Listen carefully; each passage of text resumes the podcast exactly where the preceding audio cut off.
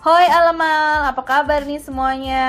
Mudah-mudahan di new normal ini semuanya udah mulai berjalan seperti sounds like normal ya. nah, uh, kali ini kita mau ngebahas, uh, welcome dulu nih di Laker Podcast kali ini. Nah, episode kali ini kita mau ngebahas tentang uh, gimana sih lebih tepatnya kayak gimana sih mau nyari kerjaan di Europe gitu, di Europe kayak macam uh, prosesnya rekrutmennya. Karena kebetulan nih teman teman saya yang cantik dari Munich oh itu. GR itu kebetulan GR ya, uh, spesialisasi. Yoi. Spesialisasinya di bagian HR dan sebagai uh, apa dengan job seeker experience di Belanda juga kan, Bo? Iya, yeah, I was a full time job seeker for a year. Yes, makanya kayaknya tuh Tias punya experience yang banyak banget nih buat gimana sih buat sharing ke kita gimana sih proses uh, nyari kerja di Belanda or di Jerman. Kita disclaimer dulu ya, mungkin uh, experience yang uh, gue bahas di sini, Tias bahas dan Fanny bahas juga karena kebetulan kan Fanny intern ya Fanny ya. Jadi yeah, Fanny betul. juga uh, ngelewatin proses uh, seleksi lah ya. Mm-hmm. uh, intern di, di di Belanda. Jadi dia juga tahu prosesnya. Nah jangan sampai nama saya. Saya nggak punya proses banyak gitu di Belanda dalam pencarian kerjanya ya. Nah jadi ini lebih tepatnya pengen sharing uh, gimana sih uh, kira-kira apa yang perlu disiapin gitu Nah, pertama sih sebenarnya pengen ngomong ngebahasnya update dulu nih. Mm-hmm. Uh, kira-kira di masa-masa kayak corona, covid, covid kayak gini, itu lowongan kerja sebenarnya proses rekrutmennya masih nyam, masih jalan yeah. gak sih?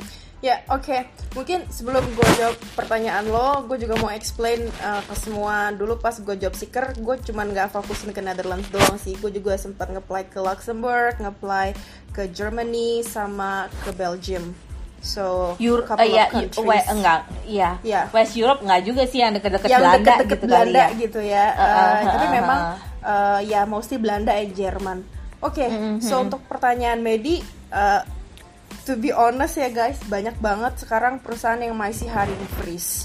Uh, meskipun mereka bisnisnya sudah mulai starting lagi sekarang cuman karena mereka aware nih takut apalagi ada gosip ya bukan gosip sih ada research yang bilang katanya bakal ada second wave or or something. So uh, I think most companies are still careful in uh, in in in regards to hiring uh, again karena it, it's it's really cost right dan hmm. uh, lo ngeliat juga kita harus ngeliat juga lah kayak aku uh, sektor mana sih yang selama covid ini yang bener-bener kena banget travel lah hmm. pasti kena hmm. banget ya yeah. and of course uh, I would say 99% mereka tuh hiring freeze itu udah pasti hmm. banget hmm. Uh, kedua ngeliat uh, mungkin kalau lo baca-baca berita meskipun misalnya sektornya nih atau startup yang kelihatannya so far oh doing good kalau rajin deh baca berita mana nih yang investornya uh, masih oke okay. mana nih investornya yang udah mulai nggak kenceng itu biasanya di berita bisnis news weekly gitu tuh biasanya suka ada jadi ngelihat hmm. dari the whole business berita dan sektor mood gue sih dan kita di Jerman sekarang nih uh, ada list of companies yang yang yang hiring freeze dan ini kita share ke orang-orang sih sebenarnya Hmm. Nah, nah yes, gue mau nanya dong, kalau misalkan uh, section lain kayak misalkan FMCG itu kan masih kita bisa bilang kayak commodities gitu kan basic needs, hmm, yang di mana yeah. itu masih ya. demandnya yeah. masih ada lah. Nah itu yeah. apakah hmm. hiring freeze juga atau mereka open tapi for certain role aja?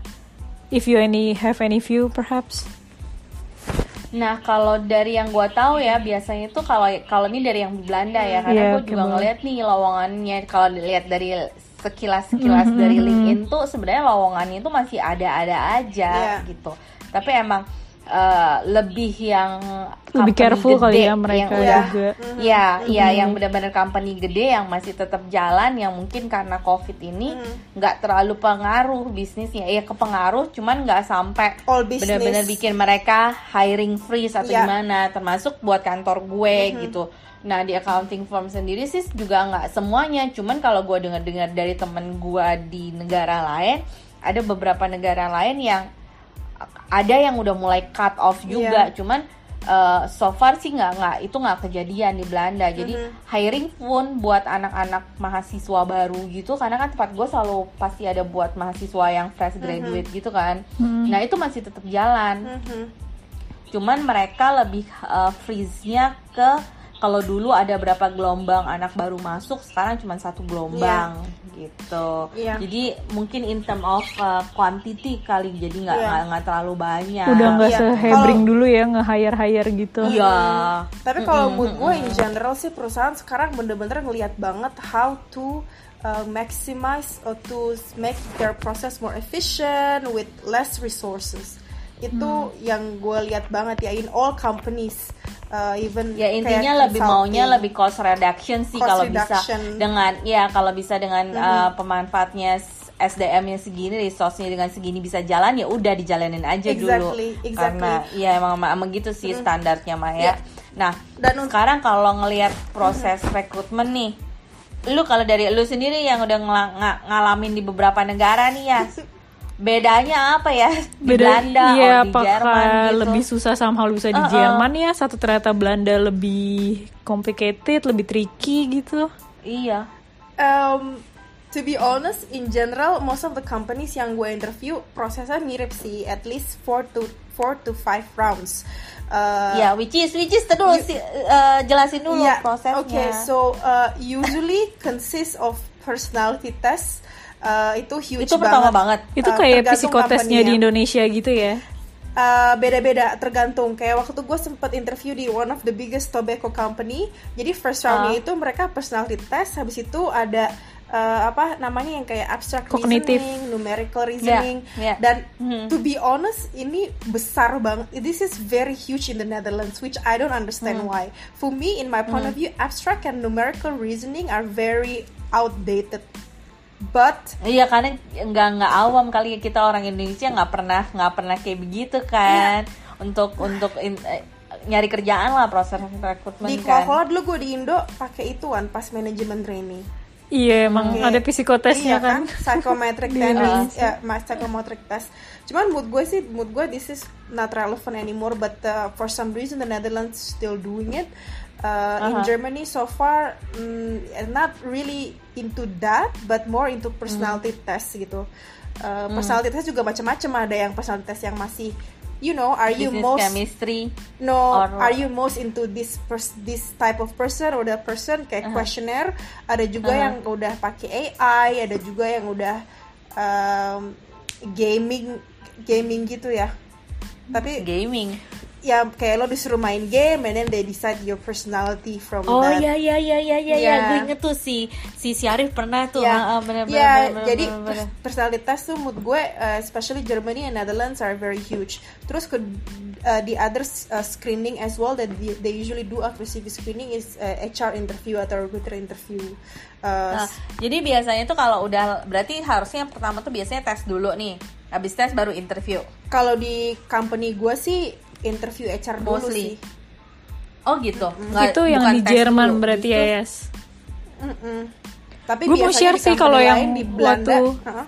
Nah iya kalau di Belanda Apa? tuh uh, gue udah experience beberapa interview kan, eh beberapa proses maksudnya, hmm. baik itu in, intern hmm. mostly. Nah ada waktu itu gue ada pengalaman satu di ini alcoholic uh, beverage gitu. Hmm. Nah itu tuh benar-benar stage-nya sama kayak yang Tias bilang tadi yang pertama tuh personality dan itu tuh stepnya benar-benar hmm. dari personality nanti ada resultnya baru bisa ah, move forward yeah. for the next step yeah, gitu for yeah. the next test nah mm-hmm. berarti kan uh, somehow mereka benar-benar consider banget nih sama personality testnya yang di mana yes. tuh bahkan mm-hmm. pertanyaannya kayak case tadi jadi kayak misalkan uh, mereka describe situation terus ada multiple mm-hmm. choice uh, what would yeah. you do and then mm-hmm. it's just simple question berarti mm-hmm. kan itu it's just mm-hmm. how we react with the situation and else gitu kan mm-hmm. tapi yeah. itu tuh yeah. berimpact banget sama mereka yeah. whether or not we will pass the personality and then move to the next test kayak gitu kan which is itu uh, relate yeah. banget sih gue sama di Belanda.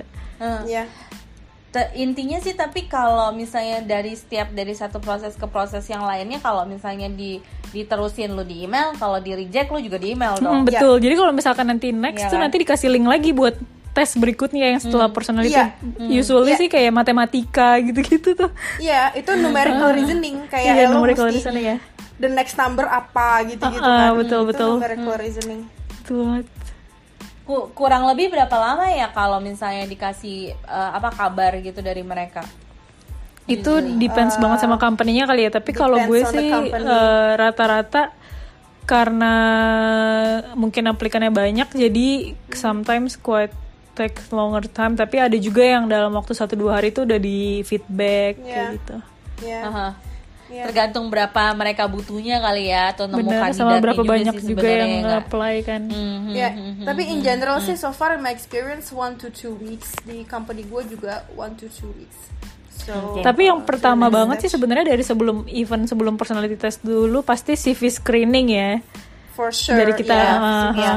Nah, nah kalau dari uh, kalau dari proses awal CV ini gimana sih? Kira-kira kita tuh harus matengin mempercantik CV kita seperti apa? Apakah kita jadi uh. harus sebenarnya tuh uh, sebagai HR person uh, prefer itu ngelihat yang, yang profesional banget hmm. atau yang somehow iya. agak kreatif ala-ala desain gimana gitu atau yang iya, iya. isinya tuh materinya tuh apa apakah lebih banyak ke uh, study experience somehow organizational atau hmm. malah work experience dan yang harus diput itu kayak Bener -bener gimana sih ya konten lah iya, apa lebih ke konten CV-nya lah ya betul uh. oke okay sebenarnya sih mood gue this is quite simple and I'm sure you've heard this from a lot of other career coaches ya and yeah. from but my personal point of view gue selalu seneng sama suka sama CV yang clean and concise and not more than two pages. Kenapa? Mm-hmm, because mm-hmm, it's true. so much easier to read.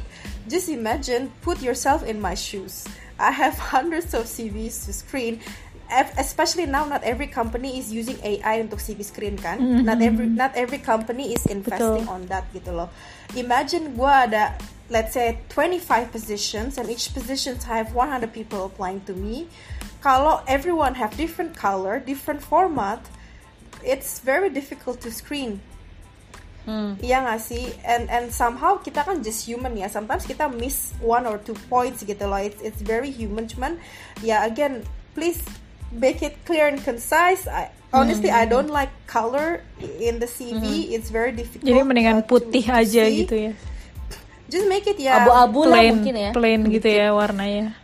Or don't use if you want to use color, just don't use strong strong colors. Uh -huh, it's very hurting for the eyes. Yeah, gitu. True, true. Uh, dan mungkin ada beberapa uh, few pointers yang gue mau uh, ngelihat nih so far di Netherlands, Germany bedanya seperti apa um, hmm. pertama details gitu di Belanda hmm. tuh suka banget mereka suka ya kita juga sih kayak uh, you know name full address visa hmm. status hmm.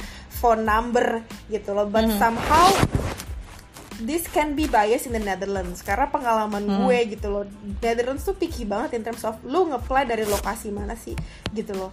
Yeah. kayak gue inget banget gue sempat di reject cuma gara-gara I don't live in Amsterdam. This is so stupid.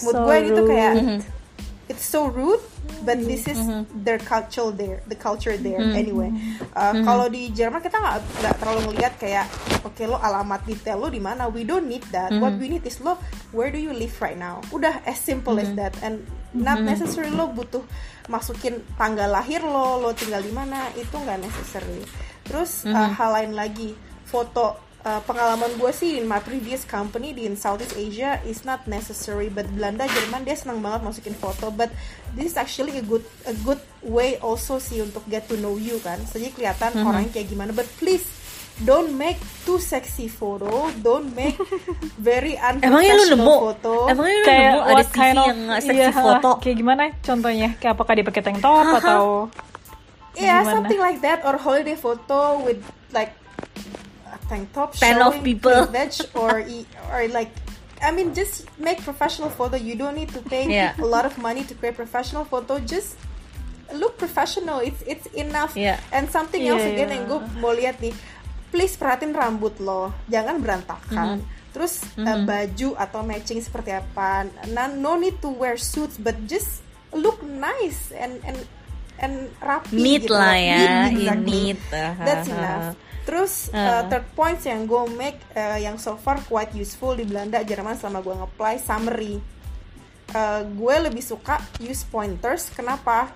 Karena lebih gampang dibaca. Tapi uh, uh -huh. mood gue juga bagus sih if you can create just one short sentence just to describe who you are just as simple as oh yeah an hr professionals with six years of work experience uh, looking for a new uh, uh, challenge in western europe in e-commerce industry for example yeah, That's yeah. very tapi itu uh, tapi yang summary yang lu bilang itu enaknya lu spesifik buat company yang kita apply nggak? Of course, in my okay guys, please what I Jadi did customize pas gitu ya. apply ke hundreds of CV, I customize hmm. every single okay. sheet of my CV, every single okay. CV that I I I send to them. Uh -huh. You uh -huh. if you if you look at my laptop right now, I have one folder yang isinya tuh bekas ngeplay semua. CV semua. Hmm. Uh. Iya, karena mood gue, karena mood gue every company they they usually use different jargons, different terms. Ini juga yang mood gue lumayan uh, ini sih lumayan penting gitu. Kalau if, hmm. if you use their language, we appreciate you more gitu loh. Jadi kelihatan mm -hmm. you're mm-hmm. actually doing your homework gitu loh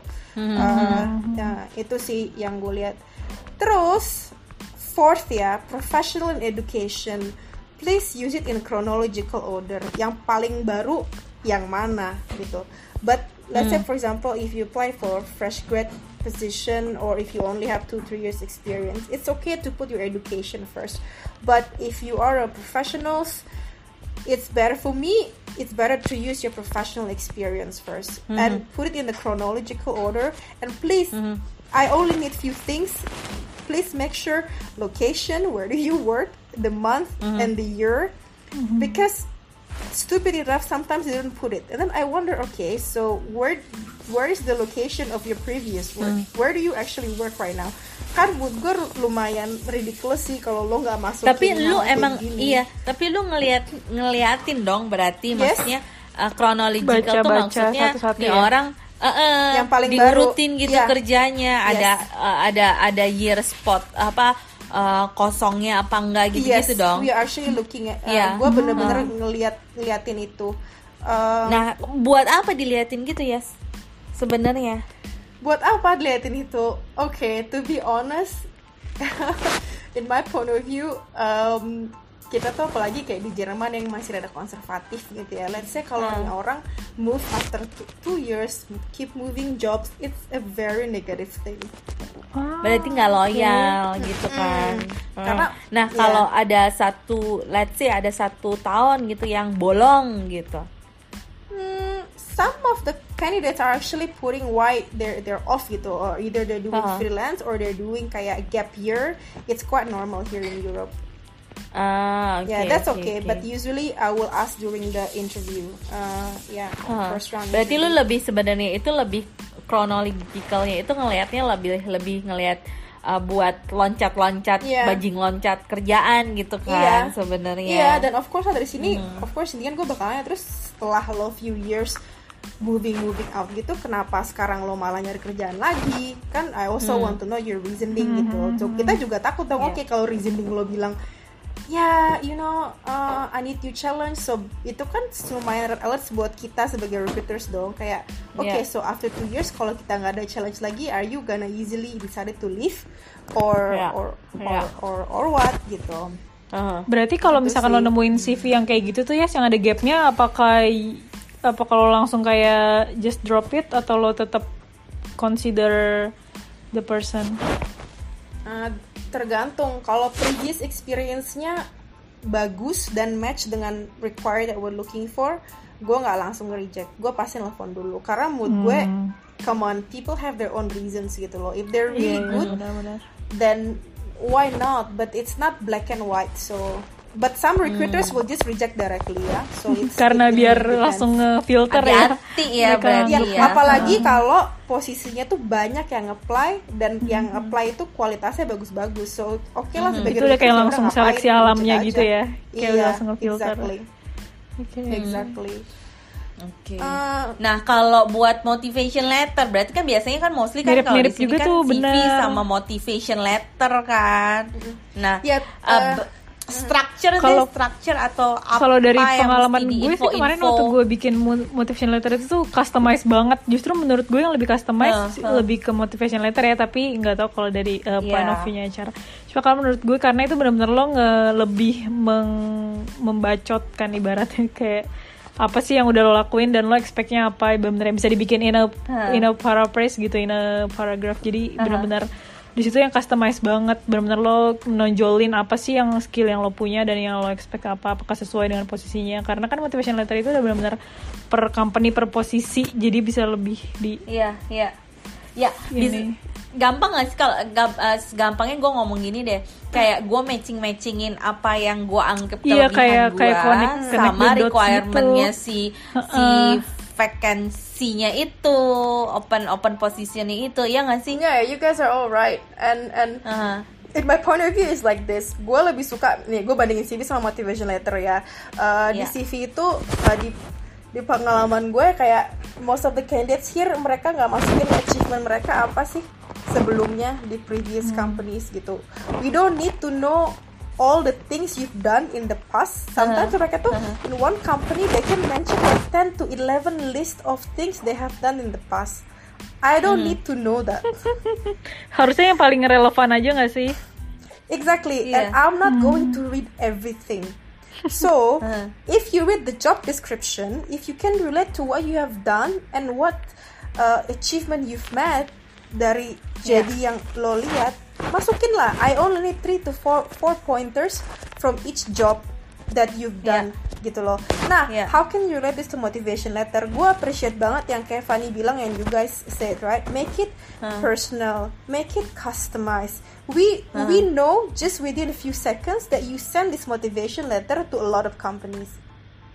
Yeah. Kayak lo pasti udah langsung banyak, ngeh ya, mana yang iya custom bener-bener effort, mana yang tinggal ganti. Iyalah nama company-nya iya. atau bahkan iya. lupa of nama course, ganti yeah. company. Betul. Of course, uh, as simple as gini deh. Uh, masih banyak banget orang-orang tuh yang apply even they don't even mention the position that they're applying.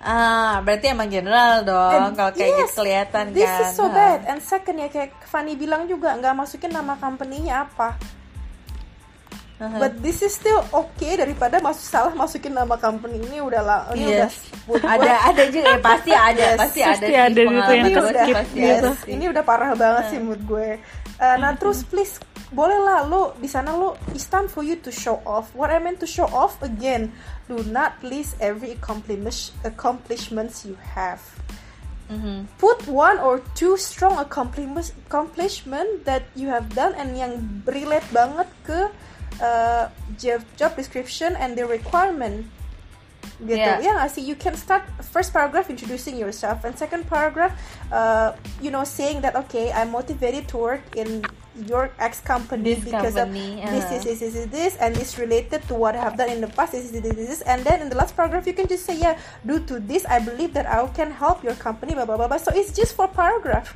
You don't need Berarti to write the whole letter. Satu halaman cukup dong. Dude, seriously, if you write more than four paragraphs, I'm not going to read. Iya. Yeah. too much. Kebanyakan ya. Keep it uh-huh. clear and concise aja gak sih? Tuh, yeah. kayak tiga tuh udah paling maksimal deh. Iya I think four is enough. Five, mm, I would say yeah. max. Just don't yeah. put too much. It's so, yeah, it's so, yeah. I mean, mood gue is enough sih to show off what you you you can already how you can collab collaborate and how you can contribute to to the firm. Oke, okay. next step, and next step, next process, interview. Interview HR bu, hmm, gimana, gimana nih bu? Kalau tiba-tiba kalau nanya-nanya tuh gimana sih dan uh, what iya. kind of uh, answer that you expect? Ya apa sih yang mau ditanyain bu yang dicari? Mungkin kalau kalau kalau sebenarnya gue lebih penasarannya justru lebih ke jawaban gimana sih yang lo expect? Karena kalau pertanyaan mungkin similar kalian interview hmm. kayak personal lebih ke personality kan kalau HR kecuali kalau ada user ya mungkin udah lebih ke yang practical worknya. Nah jawaban yang lo expect tuh kayak gimana? Apakah yang kayak flowery atau just biasa saja flowery. Iya kayak yang no. basa basi banget No, please don't make it flowery. Um, I, orang Indo banget itu kalau flowery mah. Iya, tahu lo. Itu gombal abis deh. Enggak, enggak, enggak kayak gitu. Uh, jangan gombal ya, jangan gombalin HR gitu berarti. It's not gonna work. At least, at least for me. Um, okay. Uh, gue biasanya kalau doing first round, uh, I always ask the person to um, run me through their CVs and what I mean by that just to simply explain, summarize what you've done from what your CV is. Okay, I know we have your CV and we have read it, mm. but the other point as well, gue kenapa nanya ini? Gue juga pengen lihat mm. their communication style, their communication mm. structure. Mm-hmm. How well are you introducing yourself? Kenapa ini important? Imagine that your job you have to meet a lot of different people. How could you mm. do it in 10-15 minutes explaining yourself and how how do you summarize that in a concise manners? So Aduh, it's susah nih kayaknya kalau gue masuk interview sama Tias. Swear. Bukan bagian gue banget suruh ngenalin gue 15 ya. menit gitu. Ah, udah lu mendingan tapi, suruh gue ngerjain Excel aja lah jadi. Tapi kalau kayak gitu gue malah suka lo justru di situ tuh bikin relax gitu loh. Jadi kayak kayak lo benar yeah. bisa cerita apa pengalaman yang lo punya. Iya sih posisinya juga kali, sih. Kalau posisinya kayak lebih ke ke back office yang benar-benar udah langsung analis yang emang gitu ya sebenarnya lebih ke tek ke technical skill aja kan langsung Mm. Iya, yeah. sometimes gue juga nanya technical skill, cuman ya of course I don't understand everything. I just want to know that they have done what what the you know what my hiring manager said that they they want to know. For example, misalnya kita nyari uh, the recent position, gue nyari treasury manager gitu loh, dan kita mm. juga butuh orang yang bisa project management. Oh, gue nanya, so can you tell me one of the projects you've done in the past? Uh, can mm. you please elaborate it gitu loh. And one mm. thing yang gue mau ngingetin lagi ke orang-orangnya, di saat kita nanya kayak gitu, lo ngejelasin projectnya apa, tapi jangan keep running through what your team has done what we want to know is what you have done and what you have contributed in that project hmm. gitu loh ah oke okay. hmm. role iya kan iya. kalau kayak tipe gue tipe gue juga gue lebih ngomongnya ngomongnya wi wi wi wi iya gitu, itu rata-rata kan gue kayak gitu uh, uh. I understand if if you started with that gue ngerti cuman if you always say we questionnya dari gue so what have you done iya sih ya gak sih uh, oke okay. iya Terus terus lanjut terus itu? please research about the company, okay? Mm-hmm. Uh, you don't have to do a very detailed research, but just uh-huh. at least to know what we do. That's yeah. it gitu loh. Lebih nilai plus lah ya kalau of course, gitu kan. Of course, And then uh-huh. if you don't know, I mean okay lah, gue selalu nanya, what do you know about us gitu loh. If your uh-huh. answer is I actually don't know anything about your company at all, I'm not, mm-hmm. I'm not really sure. Mm-hmm. Then where are you applying to us? Mm-hmm. Never, never, and then if you can if you say okay what i understand is like this but i'm not uh, if you can explain to me further uh, i would be happy mm-hmm. to and of course i will explain also mm-hmm. but it's mm-hmm. nice to to know that this person already did a bit of research and honestly guys mm. if you do a bit of research this is usually the first or the second questions yang recruiter tuh nanya dan itu it's actually mm. a good way to build your rapport to them yeah so mm-hmm. Yeah. Ya, tapi menurut gue juga yang penting kan jujur satu mah. Iya, itu juga sih. Jujur and yeah. and don't be too cocky, uh, be humble uh. but but precise in your communication and oh penting itu kayaknya be humble. Oh ya, banyak banget rata-rata orang-orang di sini yang eh banyak ya yang udah gitu. banggain sombong, dirinya sombong, banget ya sombong. kayak I have done uh. this, I have done that, bla bla I achieved Surprisingly rata-rata dari experience gue yang lumayan kopi itu justru some expats ya dibanding the local yang lokalnya ya. Iya kadang mungkin mereka ya? sebenarnya kalau kalau dari gue ngeliat kayaknya si expat-expat ini pengen pengen ngeliatin gitu loh mm-hmm. bahwa gue tuh a good candidate tapi malah jadinya kesannya koki yeah. gitu iya. kan. Iya, nah. yeah, intinya just also try to make connection with us lah. I mean, mm. we're not it's always nice e, either way whatever happens it's good to mm. have a good conversation mm, itu sih mm. oh one last thing mungkin yang kalian um, nanya juga kan oke okay, um, uh, apa ngomong soal expectation ya hmm.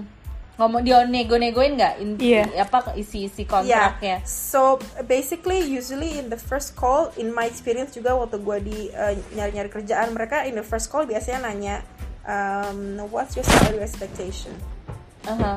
berarti kalau udah lewat nggak ditelepon lagi tuh hmm, tergantung ini juga bisa jadi jebakan so again please do your research karena um. uh, again nih research kan ada beda-beda misalkan gini nih take as deep as possible for example gue sebelum kerja di sini gue HR 6 tahun 7 tahun experience so gue cari dong itu kira-kira uh, salary-nya berapa sih dan again lo terlihat juga lo ngeplay di kota apa negara apa uh, karena kadang kayak misalnya uh, di Jerman lo ngeplay di Düsseldorf di Munich di Berlin itu salary range-nya beda-beda Oke, okay. untuk untuk posisi yang sama dong. Iya, yeah, of course. I mean, if yeah, you apply yeah. for HR manager, then that's what you should uh, uh, you should uh, research. But then again, mm. uh, uh, yeah, be honest lah. Kayak okay, what I'm expecting is this because mm. uh, based on my research, this is uh, what I should be getting, and also uh, yeah. considering the position and living uh, living yeah living cost something like that. Then then we understand. Okay. That's fine. Just ah uh, I see. Oke okay. nah selanjutnya nih yang paling terakhir nih. Interview uh, sama user. usernya. Itu yang harus dipersiapkan uh, apa sih? Atau sebenarnya tuh yes uh, yes. kadang tuh user Kita udah ada kriteria deh. gitu gak sih ke kalian apa yes. yang diharapin gitu-gitu? Hmm, uh, dari user again um, kan tadi gue udah bilang kan ya habis uh, personality test sama uh, psychometric test biasanya first round interview sama recruiter habis itu ke hiring manager. Nah biasanya ini first uh. round hiring manager interview it's a lot about technical question sih sebenarnya. Hmm. mereka pengen tahu bener -bener karena kan ya, gue iya karena kan skill gue kan bukan di skill yang hiring manager punya kan. Uh, meskipun gue tanya kandidat gue lu pernah ada project management uh, project management experience gak but gue kan iya. nggak tahu detailnya kayak misalnya mereka ngejelasin oh ya ini treasury project gue nih with this system with yeah. that iya. system but I would understand yeah. right yeah. but uh, biasanya sama hiring manager mereka hanya spesifik in project ini atau project itu so the hmm. first hiring manager uh, interview biasanya is a lot about your past skills and mm. technical interview and um, yeah also she also wants he or she also wants to know if he can actually work with you right mm -hmm. because you, the hiring manager usually will be the boss, will be your boss. Hmm. So yeah. he needs to know. Hmm. Tuh, tuh. Kalau pengalaman gue nih, gue sharing hmm. dikit nih. Gue uh, ya kalau lo kan udah langsung ke interview, interview user, user. Nih, gimana tuh? Yes, karena gue langsungnya ke interview user hmm. kan. Nah, gue tuh suka karena ini juga kantor kantornya sebenarnya kantor yang sama sama kayak kantor gue di Indo gitu gue cuman kayak nyebutin aja gitu salah satu dua satu dua tiga in, innovation baru deh di kantornya itu gitu jadi kesannya kayak gue tahu dan gue excited about that yeah for sure Matt uh, that's always good seriously as long as you're not doing it too much uh, mm -hmm. but you mentioned that you actually know about this recent project or a recent news about the company is always a plus. Iya. Hmm. Dan dan eh, yang gue buat gue surprise adalah dia itu ngebacain gitu kan kadang tuh di CV-nya kita tuh kayak kalau waktu kemarin diajarin di kampus tuh.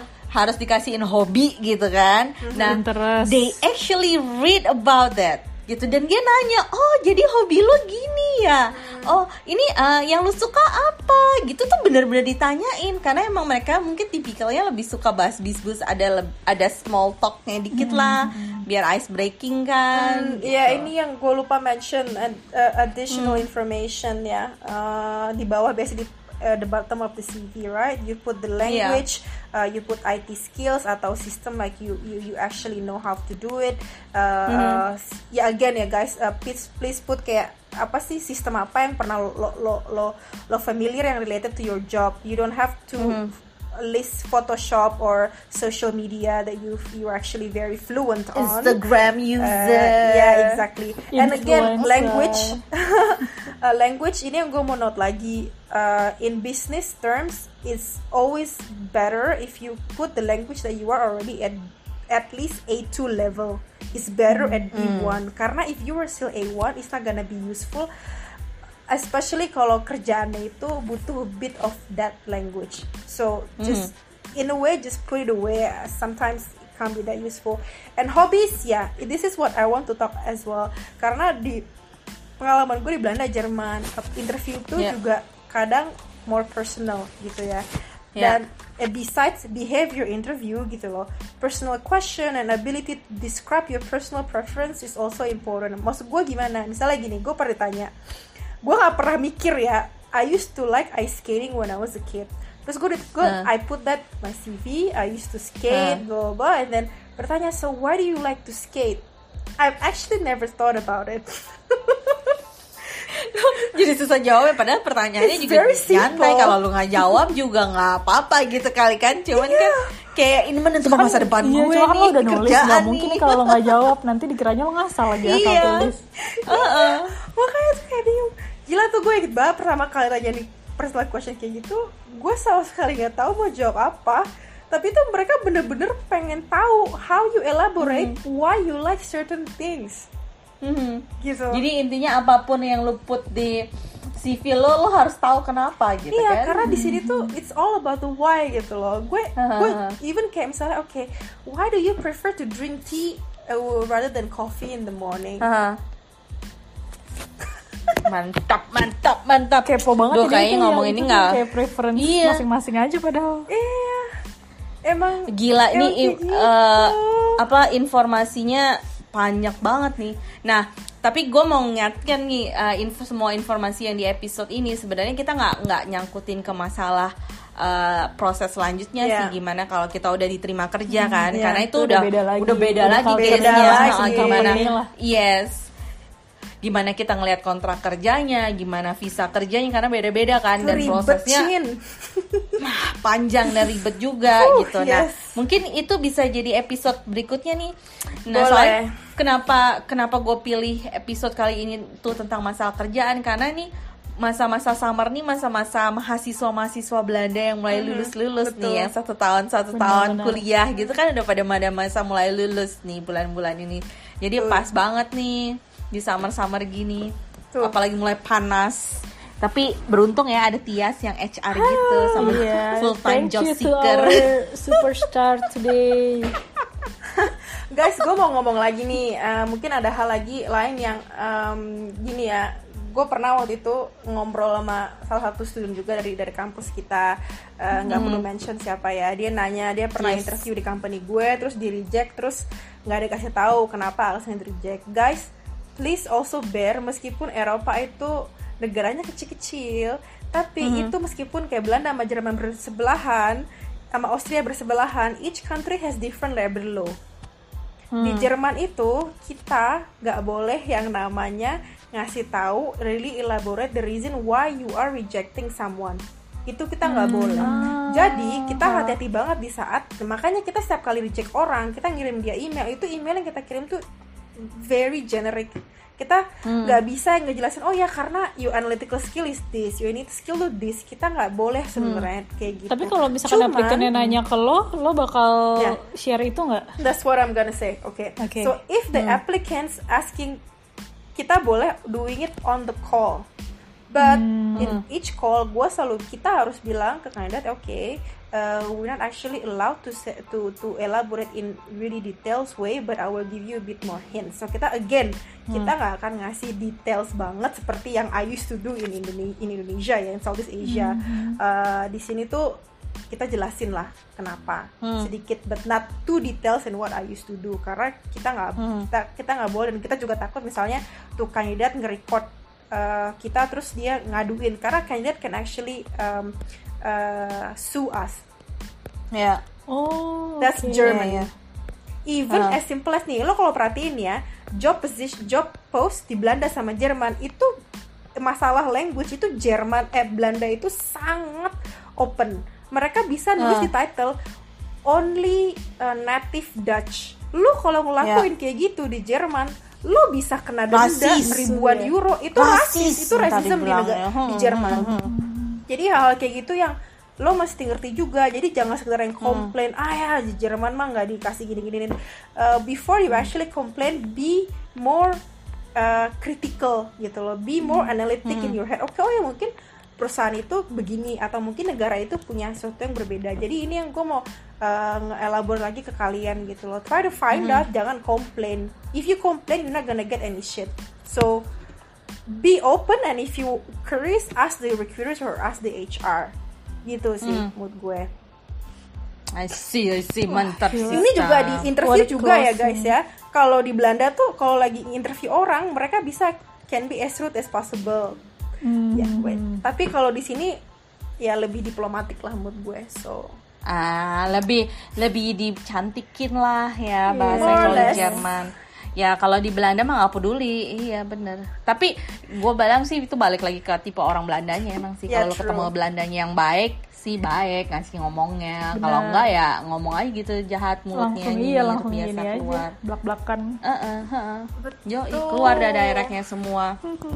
Ya berisi banget nih kayaknya sampai 40 menit sih lumayan oh, bo. iya panjang banget Thank you ya yang udah listening so ya. Semoga mudah-mudahan ini berguna untuk semua job seeker Usah. di luar sana. Dan nantikan uh, leker podcast kita berikutnya. Duduy. Duduy. Duduy.